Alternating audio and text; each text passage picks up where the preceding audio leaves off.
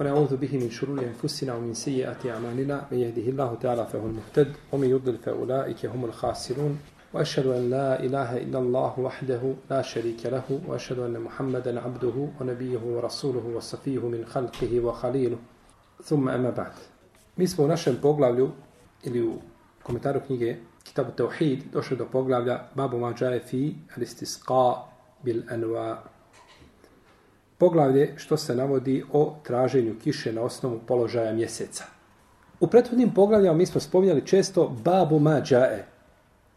Poglavlje o onome što se navodi o određenoj stvari. Pa smo dosta puta nailazili da se radi o čemu? O osudi. Da je to u stvari prijetnja žestoka onome ko tako čini. Ali autor nije tako naslovio, nego je naslovio poglavlje u, čem, jeli, u kome se navodi to i to. I to je metodologija pri prenošenju haka i istine. Ko je tako radio u svojoj izbirci hadijskoj? Ko će mi kazati? Ima li ko da spasi skupinu? Hm? Pogodit sigurno. Ko? Tirmizi. Pogledajte Tirmizi u zbirku. Poglavlje babu mađe, poglavlje, ne znam kako je preveo tamo profesor Mahmutović, ali poglavlje tako šta je došlo o tome i tome. Ti iz poglavlja ne možeš zaključiti je halal, ili je haram, ili je sunnet, ili je mekru, ništa. Nego spomene poglavlje. Šta ti radi? Zagolica tvoju znatiželju. Šta je sad to? Daj mi, spominje šta je to? Dozvoljno. Jer ako mu daš u poglavlju haram i to i to, čovjek jasno, on odmah prevrne stranicu, znači to je haram. Idemo dalje. Je tako? Neće čitati sadržaj. I to je znači, braćo, to je fikhu dava. To je fik daveta i prenošenja, znači da čovjeku ovaj a, pojasniš, znači propis na način da ga svati i da razumije i da, i da, da, da pažnjom, znači punom prihvata od tebe. Tako autor kaže, poglavlje, jel, u kome se navodi, a, a, ili šta se navodi o traženju kiše na osnovu položaja mjeseca. El enua je množina riječi neu. A neu je položaj, znači, mjeseca. Kaže Ebu Sadat da ima 28 tih položaja i da mjesece znači mijenja mijenja te svoje znači položaje iz noći u noć. I kaže uzvišeni Allah te barek u Kur'anu wal qamara qaddarnahu manazil. I mjesecu mi smo položaje odredili. Pa mjesec znači ima tačno jeli, položaje koji su mu određeni. I kaže svake 13. večeri jedan pri ositaju zore, jedan taj položaj pada, na zapadu, a drugi izlazi isti taj na istoku ili sličan njemu na istoku. Pa su oni pagani smatrali da prilikom te smjene dolazi do kiše. Da su znači ti položaji mjeseca, ti koji u stvari ljudima šta daju? Kišu. Pa je došao šerijat da to, jeli, da to iskorijeni. Kaže uzvišeni Allah te barake od ta'ala وَتَجَعَلُونَ رِزْقَكُمْ أَنَّكُمْ تُكَذِّبُونَ To je prvi ajet koga spomenuo autor. Kaže, I umjesto zahvalnosti što vam je obskrba darovana, vi u njega ne vjerujete. Vi u njega ne vjerujete.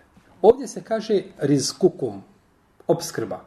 Ali je to protefsireno u hadisu koga bilježi imam Tirmizi Ahmed da je to šukrakum, zahvala. A najpreće je da Kur'an tefsirimo čime? Kur'anom. I po tome se posebno odlikovao Ibn Kesir. Niko nije tu kao Ibn Kesir. Najljepše je tumačio Kur'an sa Kur'anom. Potom se tefsiri Kur'an sa sunnetom, potom se tefsiri Kur'an sa riječima ashaba, potom riječima tabina. Ali najljepše kako se Kur'an tefsiri jeste Kur'an sa Kur'anom i naravno tu dolazi svakako i sunnet koji tefsiri, znači Kur'an. Pa je ovdje poslanik sa osvijem protefsirio da je to zahvala. Znači, a, ljudi, jesto da kažu hvala Allahu koji nam je kišu poslao, oni kažu hvala mjesecu koji nam je kišu poslao ili položaju mjeseca ili ovome ili onome. Pa mjesto da zahvali Allahu na toj blagodati, on mu širk čini. Pogledajte kako je, kako je to ruža stvar. Da je čovjek šutao, neću da zahvalim, pada kiša, neću da zahvalim Allahu, ništa, to mu je bolje. On je tad nezahvalan. Ali ako zahvališ nekome drugom, tada si počinio najgnusniju jeli, stvar. I ovo je stav, jeli, ovaj tefsir ajeta je stav, tako smo, mi smo ga u tom svjetlu preveli. Tefsir ovoga ajeta takav stav, jeli, većina islamskih učenjaka i zbog toga je autor ispomenuo ga na ovome mjestu.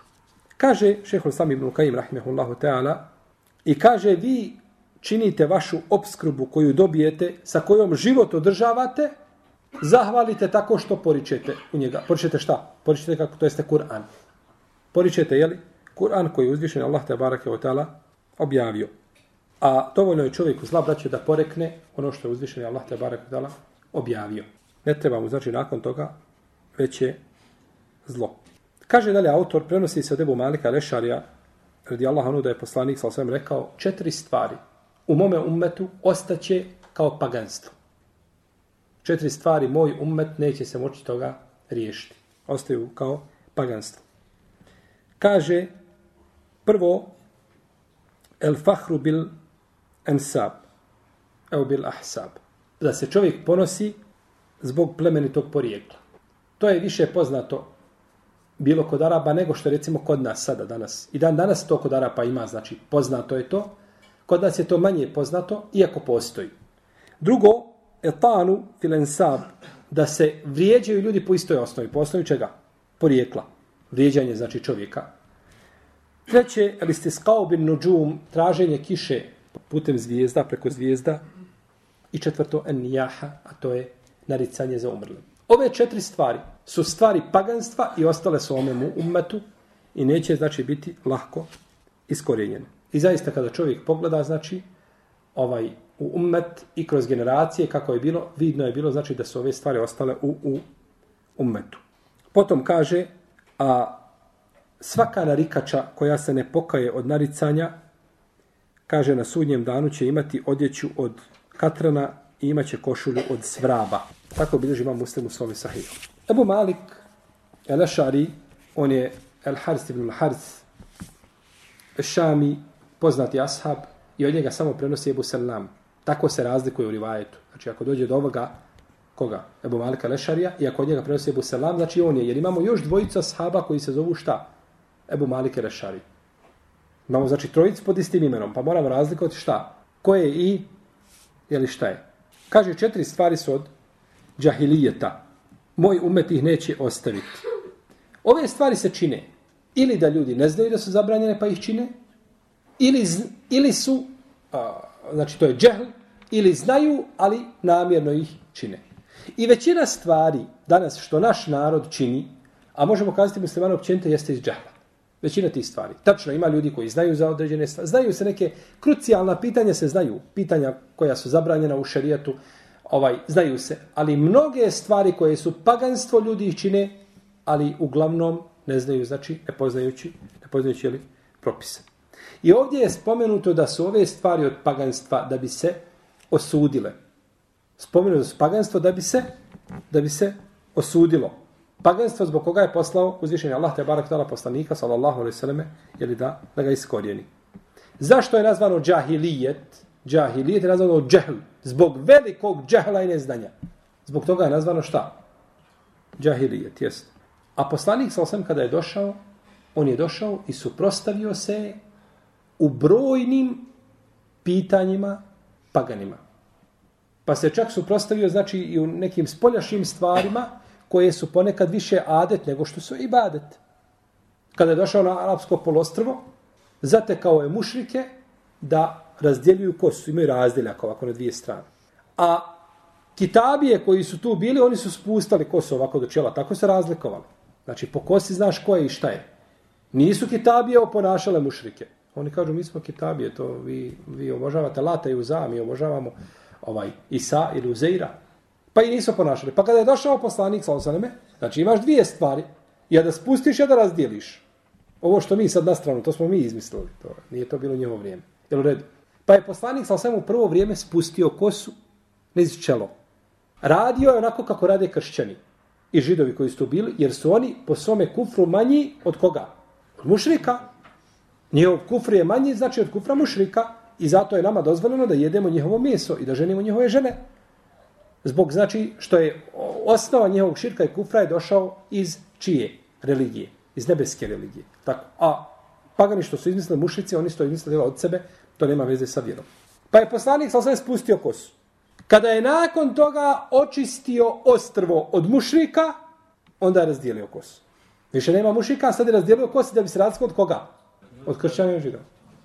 Pa je u prvo vrijeme radio skupa sa njima, zato što su oni u manjem zlu. Nakon toga kada su otišli mušici, e kažu sada smo mi ovako. Jer određena stvar, braćo, kada nestane kod muši, kada je nema, mušici imaju, na primjer, određeni običaj ili obilježje. Bilo odjeća, bilo ponašanje. I nestane, iskorijeni se kod mušika i preuzmu to muslimani, to nije ponašanje mušika. Pazite dobro. Ali je to više šta? Ne. ne po, nekad davno mušici u petom stoljeću imali jedan običaj.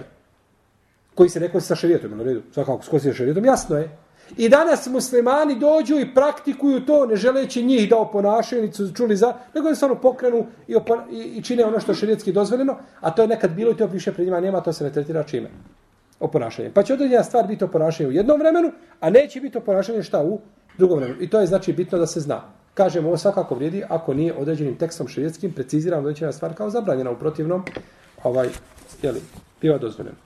Pa je ovdje poslanik sa osrme razlikovao se, jeli, i to se jasno vidi, braćo, kroz Kur'an i kroz sunnet.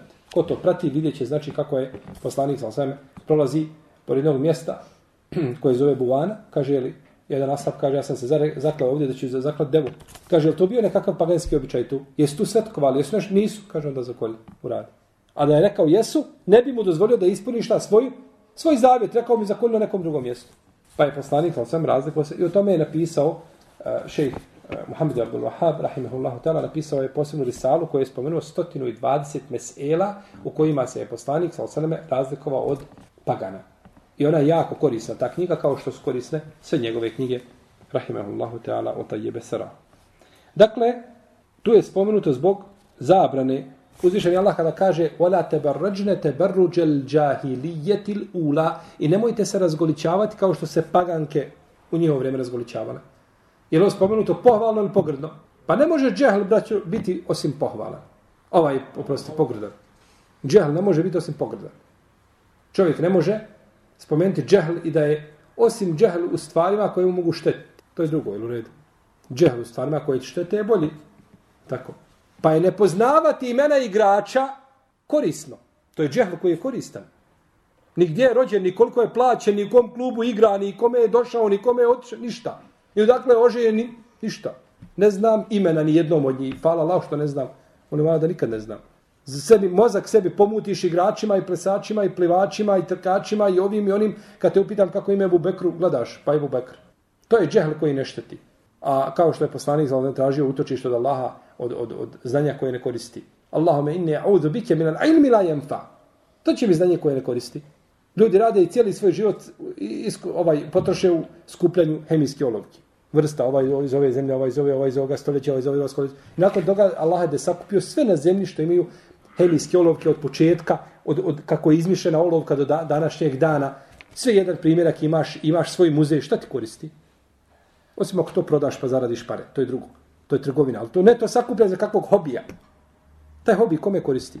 Hobi ti je da ideš prošetati, da, da, da, da, da, da, da, da vježbaš neki, neki sportom, da se baviš, da čitaš nešto što ti je korisno. To ti je hobi koji je koristan. Jeste. Pa je poslanik sa osnovama radio suprotno paganima. I ovo, ova nam činjenica ukazuje da je znači, njih zabranjeno ponašati. Jeli? I to je stvar o kome, koga nema razređa među islamskim ucima. Kaže El Fahru Bilensab a, da se čovjek hvališe svojim predsima. Da se hvališe svojim predsima.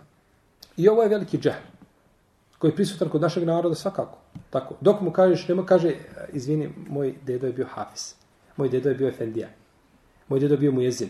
On ima, on ima već poleđinu znači koja ga štiti. I opravdava mu to što radi. To šta je bio tvoj dedo, šta je bio tvoj neko od predaka tvojih, to nikakve veze s tobom nema.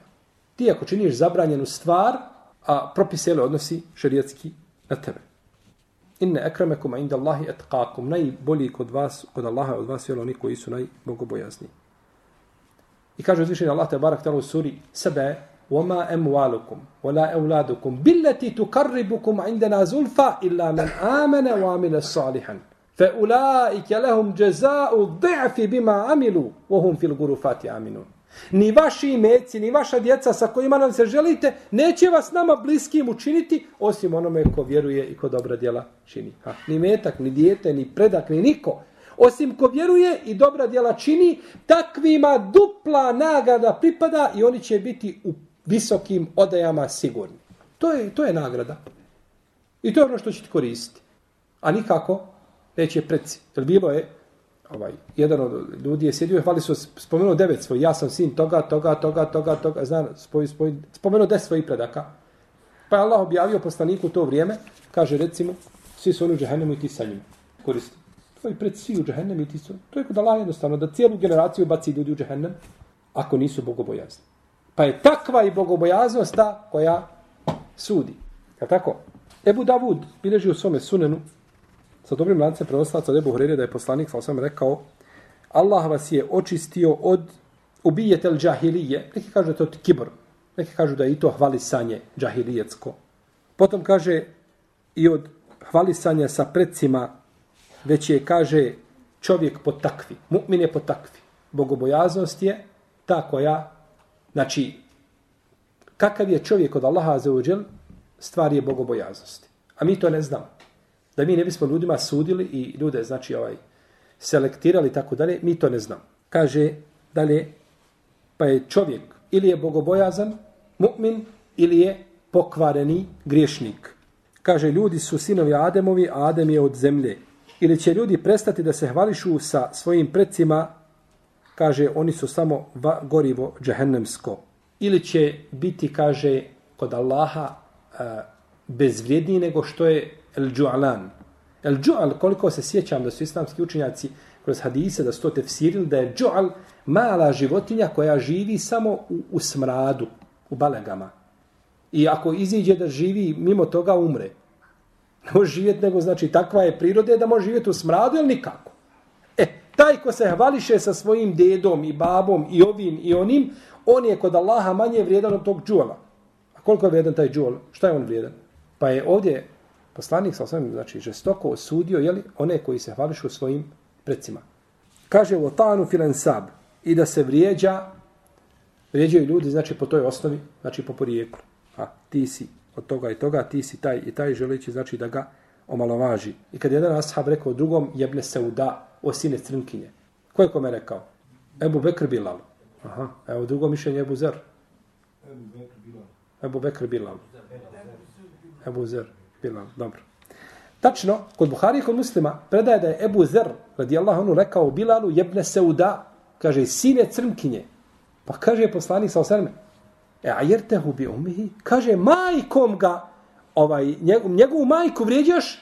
Kaže, inneke imrun fike džahilije. Kaže, ti si čovjek u kome je paganstvo. Pa je nakon toga spustio svoj, svoj obraz na zemlju. Kaže, neću ga dići dok ga ne pogaziš nogama moj, svojim. A ti sad koji si sin crnkinje, gazi sad po mome obrazu i po, po, po mome ustima i mome jeziku kad tako govori. Pa naravno, Bilal radi Allah, nije to učinio. Ali pogledajte, znači, kako je poslanik sam I u čovjeku, braćo, može biti, znači, paganstva, a da nije šta? Kafir i da nije ni fađir i prestupni griješnik, je tako veliki? Nego kaže čovjek riječ u raspravi, izlati mu, kaže i tako dalje. Može se desiti, pa da ne bi čovjek odmah sudio, znači ko to uradi, gotovo dok je u njemu džahilije, znači nema sa islamom ništa. Ne, to je pogrešno. Može čovjek prisjetiti svoj stava, ovaj, naravno kada se čovjek naljuti, jer je li tada mijenja, mijenja svoju kožu, je tako? Iako je od osobina mu'mina da se povrati, nije veće svojstva mu'mina da se naljuti i da i da ga ne može niko odljutiti. Ni sa djecom, ni sa ženom, ni sa bratom muslimanom, ni sa komšijom, ni sa kim. Svojstvo je mu'mina da se brzo vrati. Da se brzo vrati znači dok se naljuti, dok nije se naljutio kako treba, već se odljutio. Tako trebalo da bude pri mu'minu, jeli, svojstvo.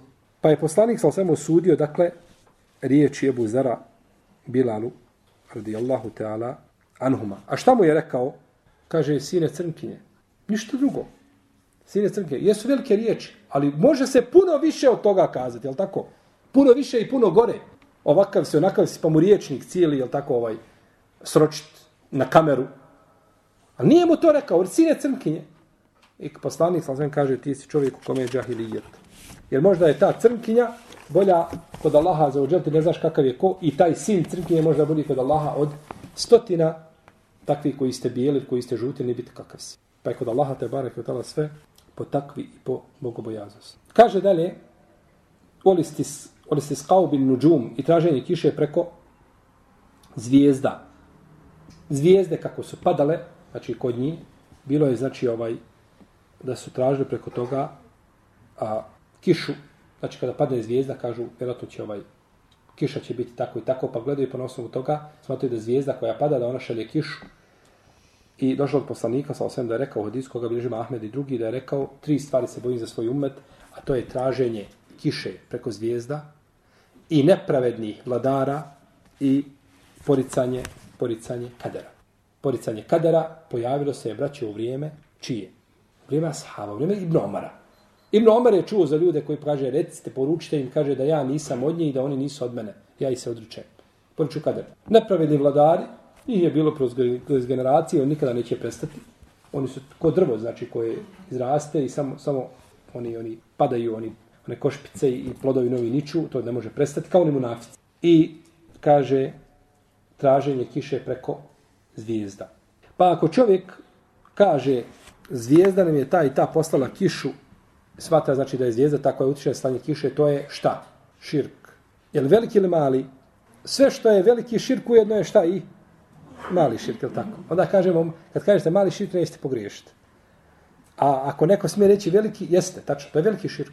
Da čovjek kaže da je ubijeđen da određena zvijezda ili sunce ili mjesec ili dedo ili neko šalje kišu, to je širk koji čovjeka izvodi van okvira islama. Isto, to je kao isto dova meitu. Doviš meitu, kažeš subhanala, evo, ovaj, ješ naš šejh preselio, ali subhanala bereket njegovog, ovaj, njegovog tijela u zemlji, evo, da, da nije njega bilo, ovaj, ne, bi, ne, bi, ne, ne bi mi sine bio izličen. Ili ne bi, mi, ne bi mi se odsutni vratio, ili ne bi tako dalje. To su širkijati, kufrijati, zbog koji se poslanik sasvim poslan da, ovaj, Ali ako čovjek smatra, pazite ovo, ako čovjek smatra kada zvijezda padne ili dođe nekakva promjena mjeseca sa, sa, sa one menzile na menzilu ili sa ovaj na mjesta na mjesto ili ili ovaj položaj na položaj da tada dolazi kiša kiša od Allaha ali taj položaj on je znači od pokazatelja i tako dalje tada to nije širk koji izvodi čovjeka van vjere to bi tad mogao biti u najtežem slučaju veliki širk A ono što je poznato jeste da je to haram i zabranjeno. Mali širk. Oproste, mali širk jeste. Mali širk, to spominje Mufleh u svome dijelu a, a, ovaj, al furua i spominje to ovaj, imam El Mawardi u svome dijelu El Merdavu u svome dijelu Insaf i drugi i nije spominjalo razilaženje kod uleme. Da je to zabranjeno. Znači, ne smiješ nikako vezivati znači, zvijezdu niti mjesec za slanje kiše, jer je to Allahova te barak tela blagodat. Pa u tom slučaju, jeli čovjek ne bi bio, ne bi bio mušrik, u smislu da ga je to izolovan, jer, je, jer ono što uzvišen je Allah te to čini, nemaju tu ljudi nikakvog udjela. On nijaha i naricanje za umrlim. Naricanje za umrlim je naricanje, dizanje glasa, šamaranje, čupanje kose, trganje odjeće, davno se nekada zemlju bacal na sebe, sve to što se radi, svi tip. Čovjek ima, Allahu poslanik, kada mu umre, umre njegov sin Ibrahim, ali on je plakao, je tako? Srce žali, oči plaču, ali kaže, nećemo uraditi osim ono šta. Čime, nećemo uraditi ono što srdi gospodara. Azevođel. Znači, jeste, plačeš, naravno. To je od prirode čovjeka. I, braćo, nije priroda čovjeka da... Ovaj, zato je šeho Islama jedne prilike, Ibn Taymi su pitali, kažu, bio jedan sufija. Sin mu preselio i on se smije. Pa kažu, pitaju sad učenici, šeho Islama im tebe kažu, njegov sin preselio, on se smije. Allahovom poslaniku, sam sin preselio, on plače. Ha, ko je boljeg imana? Ko, je, ko više vjeruje u kader? Tako, odmah čovjeka zbuni, sve ti poremeti, je tako? Došao tamo sad nekakav ovaj dedo stari sa bradom, dugom turbarom na glavi, je tako? I smije se, svim umro i on cijeli dan se smije, Allahov poslanik plače. Kaže, ne, Allahov poslanik, njegovu obudijet, njegovo robovanje Allahu je, kaže, jače u ovome slučaju. Kako jače? Pa čovjek, braće, ima robovanje, različiti vrsta robovanja. Imaš robovanje radosti, imaš robovanje žalosti, je tako? Pa čovjek robuje Allahu žaleći. Mi kada čujemo da je poslanik umro, smijemo se ili žalimo? Kad bi se smijali, je li to prirodno, je li to prirodno koje je Allah stvorio ili je to gluma? Znači, to je protiv tvoje prirode, je li tako? Protiv tvoje, tvoje prirode je da se smiješ, umreti jedno dijete, ti gledaš i smiješ. Drugo umre, babo umreti, isto. Dobro, žena umre, dobro. Mnogi bi se nasmijeli, je tako? Ovaj, je tako? Znači, nije to priroda čega? Čovjeka. Kaže, ne. Ubudijet Allahov poslanika, sallallahu na tom, na tom mjestu je šta? Jači, jer je to ubudijet žalosti. A imaš ubudijet radosti. Nije od, od suneta čovjek dođe na Bajram da sjedi da plače. Šta je? Pa kaže stanje muslimana teško. Pa je stanje muslimana teško, tačno, ali Bajram je dan kad se. Nema izgleda što je teško stanje i što je možda ratni period da se ljudi vesele na Bajram. Pa sve ima, ne treba čovjek raditi suprotno prirodi na koji ga je stvorio uzvišenje Allah te barak i utala, već treba znači da bude ili prirodan, da ne bude izvještačen. Oma ene minel mutekellifin, ja nisam izvještačen. Pa izvještačenost znači nije prirod, priroda vjernika. Pa su davno nekada žene naricale, dođu i nariču. Je tako? Nariču i kako nariču, ona bude plaćena. Daju 100, 100 dinara, 100 dirhema, 100 eura i da. I ona ima zadatak da sahat vremena da, da nariče, a one su bile posebno, znači vješte izvježbane kako mogu rasplakati i kamen. Kamena srca ona bi rasplakala. Ona to znači zna upakovati, pođe priču redat, znači govori tako da bi sve rasplakala, da sve plače. I to onda poprati šamaranjem, udaranjem, jeli, kricima različitim i tako dalje, da ti silom pribliga, ti ne moraš plakati. I tako. Te su bile ovaj enaihatu el musteđara, tako se zvala, iznajmjena narikača. Ona ima, znači, svoju platu, ima, ima znači, ovaj kiriju, koja se plaća i ona nariče. Što je zabranjeno, jer naricanjem braća čovjek, ti ne možeš, oči ne možeš tako strpiti oči da suze, to je jasno. Srce žali. Ali ta riječ koja izlazi iz usta i ona sjedi i priča i govori i kakav je bio i šta je bio i znači uzburkava tu situaciju, ili tako? Da bi ljudi plakali, to znači to dolazi smišljenje, to nije nešto što je van tebe van tvoje mogućnosti. To je upravo tvoje mogućnosti i ti to radiš i namjerno si došao tu ili tako da bi to radila. To je zabranjeno, to je haram. Jer je to, braćo, a, prvo imamo tu, čovjek nema vađib sabura. Imamo sabr, vađib koji čovjek mora imati pri sebi da osaburi. I imamo drugu stvar, to je Allahova odredba. Ti koji tako govoriš, te nije zadovoljno Allahovom odredbom. Jest, ja žalim, ali neću ništa kazati, neću činiti ono što srdi svrdala zaželi i da govorim nešto protiv te odredbe. Pa je to bilo poznato jeli, kod Arapa i ostalo je to nakon toga i to je danas poznato ovaj koje god bio znači na, na mjestu gdje žene dolaze okupi djecu oko sebe, a tu svi prisutni ona malu djecu okupi oko sebe i onda pođe ona da nariče za muža. I tako znači rasplače i djecu i prisutne i mjesto da jedan mi je šejih pričao, kaže, mi je otišli, kaže, kod jednog šeha našeg, ovaj, u automu poginula žena i vozio njegov sin i drugi osmero djece. I svi izgunuli, izginuli u saobraćaju nesreći. Svi u jednoj saobraćaju. I kaže mi otiš kod njega sad saučeš da mu izravi, mi je došli, kaže mi sjeli kod njega. Mi sad hoćemo da govorimo ovaj taman da, da, da, da ga ohrabrimo da kaže a to je Allahova odredba. Kaže nije moglo drugačije. Allah je odredio, to je tad moralo biti drugačije, nije moglo nikako proći. I ono Allah što kaže on nama, on nas potiče na sabor. Da mi saburamo, a ne mi njega. To je sabor koji je uzvišen i naravno to ne može svako do te deređe doći. Ali to je sabor koji nije izvještačen. Ne, ja sam, to je sabor, ja moram saburiti. Allah me time iskušao i, i e, to je bilo zapisano 50.000 godina prije strana nebesa i zemlje. Ja mogu samo rasrti svoga sotelja, ja sam dužan da se osaburim. Pa je, znači, taj sabor jako. I zato, obraćao čovjek daje, uzvišen je Allah zađer, daje čovjek od sabora onoliko koliko mu treba. Da ti neko kaže, ne daj Bože, sada nastradao ti je dijete, ne znam, žena, otac, majka, ovo, ono ti bi, dok ti to prođe kroz ovo, ne mogu, ja to ne mogu nikako pojmiti. Ne pričaj mi o tome.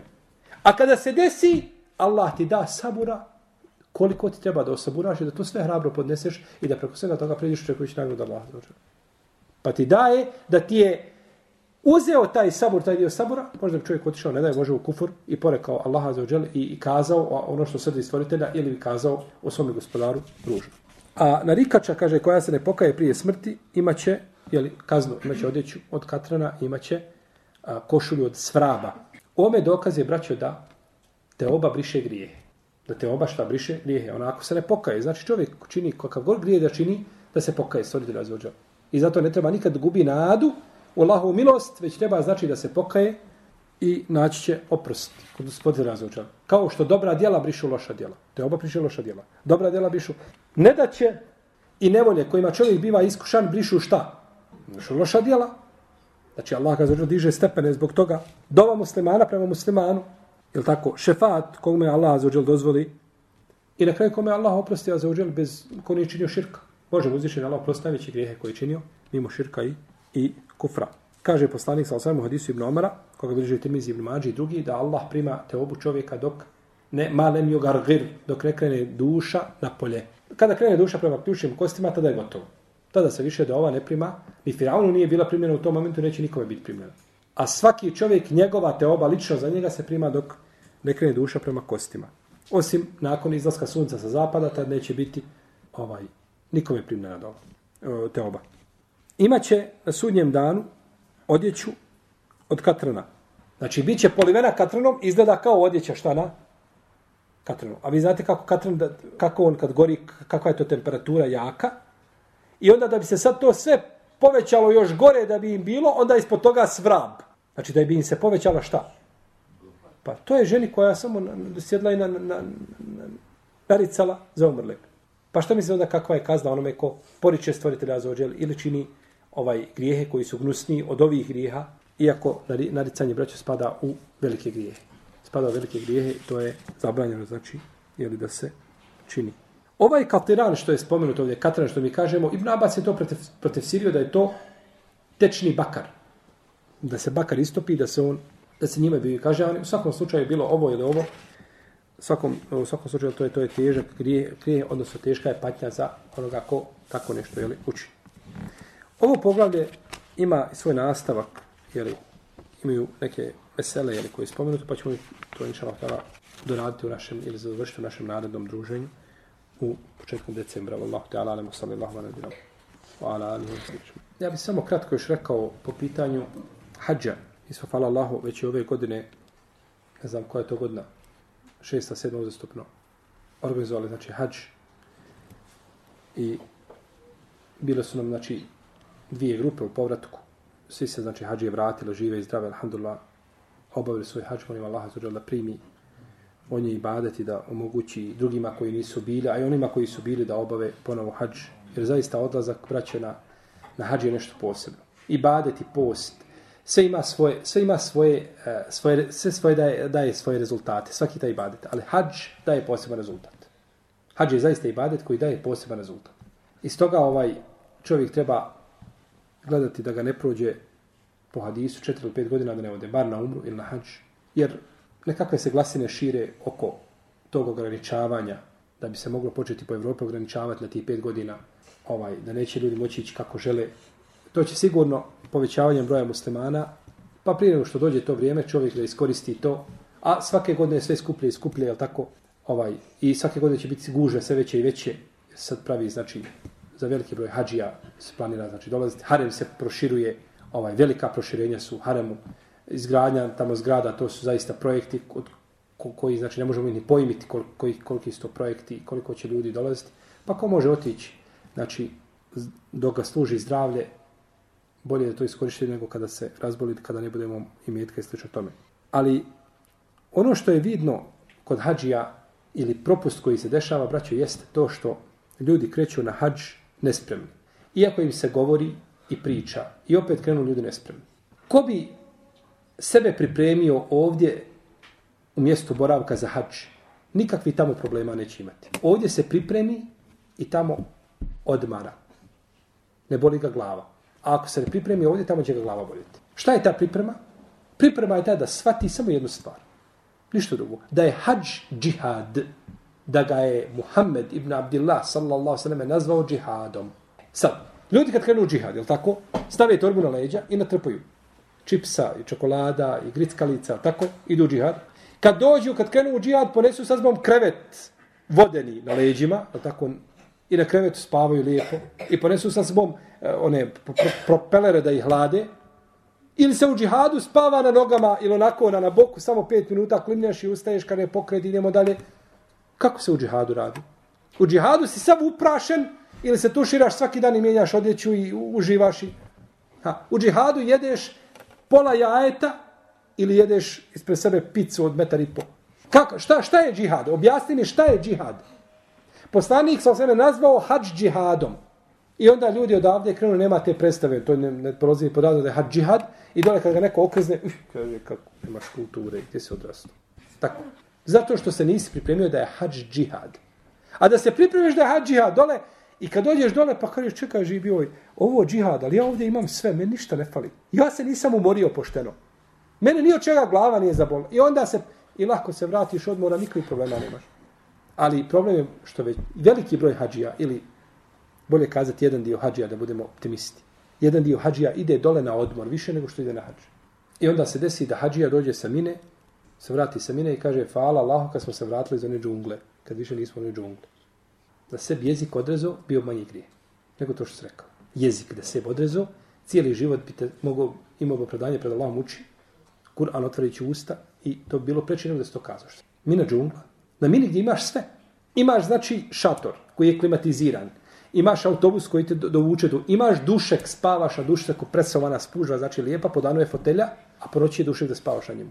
Dobiješ posteljinu koju prostaviš preko dušeka lijepo i dobiješ deku da se pokriješ. I jastuk dobiješ. Sve živo dobiješ. Hranu imaš, mi smo imali toliko hrane da smo morali dijeliti ljudima po ulici. Puno onaj kofer uzmemo. Supe su pravljene takve čorbe. Znate kakva je zamjerka bila hađa čorbama? Kaže, previše mesa ima. Znači, jedina mahana te čorbe što je bilo previše, ne možeš od mesa. Šta god zagrabiš, samo meso grabiš. I to meso, znači, koje se samo po sebi raspada. To je bila mahana čorbe. Znači, kad bi ne, nije niko, nije niko kazao da to mahana, jel, jel govorim to ovaj, u prenesenom značenju, simbolika, u redu. Znači, pohvala, baš tako. Znači, hrane ti, i nismo ni završili jedno, oni su donijeli vi tamo 30, oni, oni 40, oni 50, nas je bilo 30, dobijemo pa 50, oni, oni, oni, porcija jela, a dvije osobe mogu slobodno jesti jednu. Tako je bilo u džunglu. To je džungla u kojoj se ljudi danas nalaze. Sve imaš, znači sve ti je tu. Voda napolje u malim onim kahva i čaj džaba. Kahva i čaj nigdje nema na zemlji džaba. Hajde prođi u Austriji dobi kahvu negdje džaba. Dobit ćeš bezbol palec po glavi. Kahva, čaj, idi i donosi sebi koliko želiš pi. Vode, pića, znači voća, jabuka i, i naranđi smo imali da se gađamo sa njima, ne bi se mogli izgađiti. Da se gađamo sa njima, ne bi se mogli izgađiti, nego su nakon toga krenuli puno onaj karton 10, koliko ima 12 kila u sebi, sve smo ponijeli sa sobom, nakon toga par dana ili jabuka sa sobom. To je danas hađ. Mi kažemo džihad, ne smijemo nikako, trebamo šutati. Ja se bojim, braću, jedne stvari, da sad da Omer dođe i da nas vidi na mini, odmah bi se vratio u Meku, okupio vojsku i rekao, bismillah, udrite gore sa koje god strane, udarite, pogodili ste. To hađ. Stvarno, znači, ja ne mogu shvatiti da čovjek može doći s hađa nakon svog tog luksuza i nakon toga kad dođeš ispred harema, sa prozora sjediš, piješ čaj i gledaš u harem, ispred tebe harem. Vidiš ko ulazi, ko izlazi, sve ispred sebe, znači nema niko ispred tebe harema. I sve sobe što imamo, tu ste bili ispred harema i gledate u to. I sad taj, znači, luksuz koji ima i da čovjek nakon toga može doći sa hađa, nije li kod nas se govorimo o nama, govorimo općento o skupinama ljudi, hađija, da čovjek može doći nakon toga i žalce. Nigdje nije iskrenuo pješce, osim na dan Bajrama, kada ko želi da siđe dole, jeli, ovaj, da se ne pati sa prevozima, to je velike su gužve, da ode da prošeta jedno 20-30 km, ništa mu ne smeta. Mi imamo hađija po 60 godina, to pješače. Ovaj, jedan je čovjek, braćo, bio sa nama u grupi, Arab. Ima nogu kraću 5 cm, 14 operacija ima na njoj. I dan danas mu je šipka u nozi. Ne može hodati čovjek nikako. Kaže, idem s tobom, rekao, ti nećeš ići. Ti će kosto ovdje, na mini, i ti tavapi kada se vratiš sa mine glavni harski tavap, pa uvijek se vratiš. Ne možeš, ti si. A koji ko ima opravdanje imaš ti? Lejse ala ama harađin. Wala ala arađi harađun. Čovjek koji je onaj koji šepa, on ima opravdanje. I za džihad i za sve. Kaže, wallahi, kaže, idem kad bi otpala. Nek otpade odmah, kaže. Dok kaže, dok je, na, na, kaže, vezana s ovom, kada dok je šipka unutra, kaže, ja idem pa kad otpadne, kaže, onda neću dalje. I otišao, sve to obavio i vratio se na. To je stvar volje. Stvar volje insana, znači koliko je spreman. Ali hoću kazati da danas definitivno hađije, hađ koji danas obavljaju od njihovog polaska s ovoga mjesta, od predavanja papira, dođeš u džamiju, sve neko primi za tebe, tamo glava ga boli, razbija glavu sebi, dječje kuće, što... ti o tome ništa ne znaš. Stvarno da, ovaj, da Allah nagrada našeg brata Abdullaha, ja ne bi, on je sad ovdje, ne bi ga klao bez noža, jel?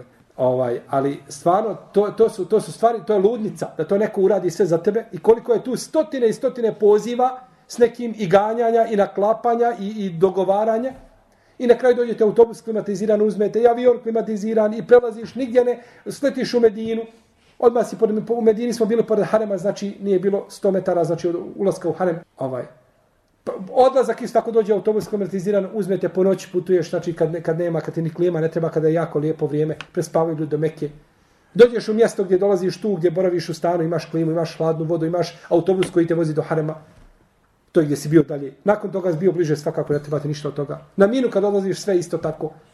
Na refatu tri obroka imaš. Na refatu, dan na refata, kada je dan dove, ljudi donose obrok ispred tebe hrana, to je hladna voda preko puta. Šator za stotinu ljudi gdje biva, mi smo, nas je 50 bilo u šatoru gdje stotinu biva.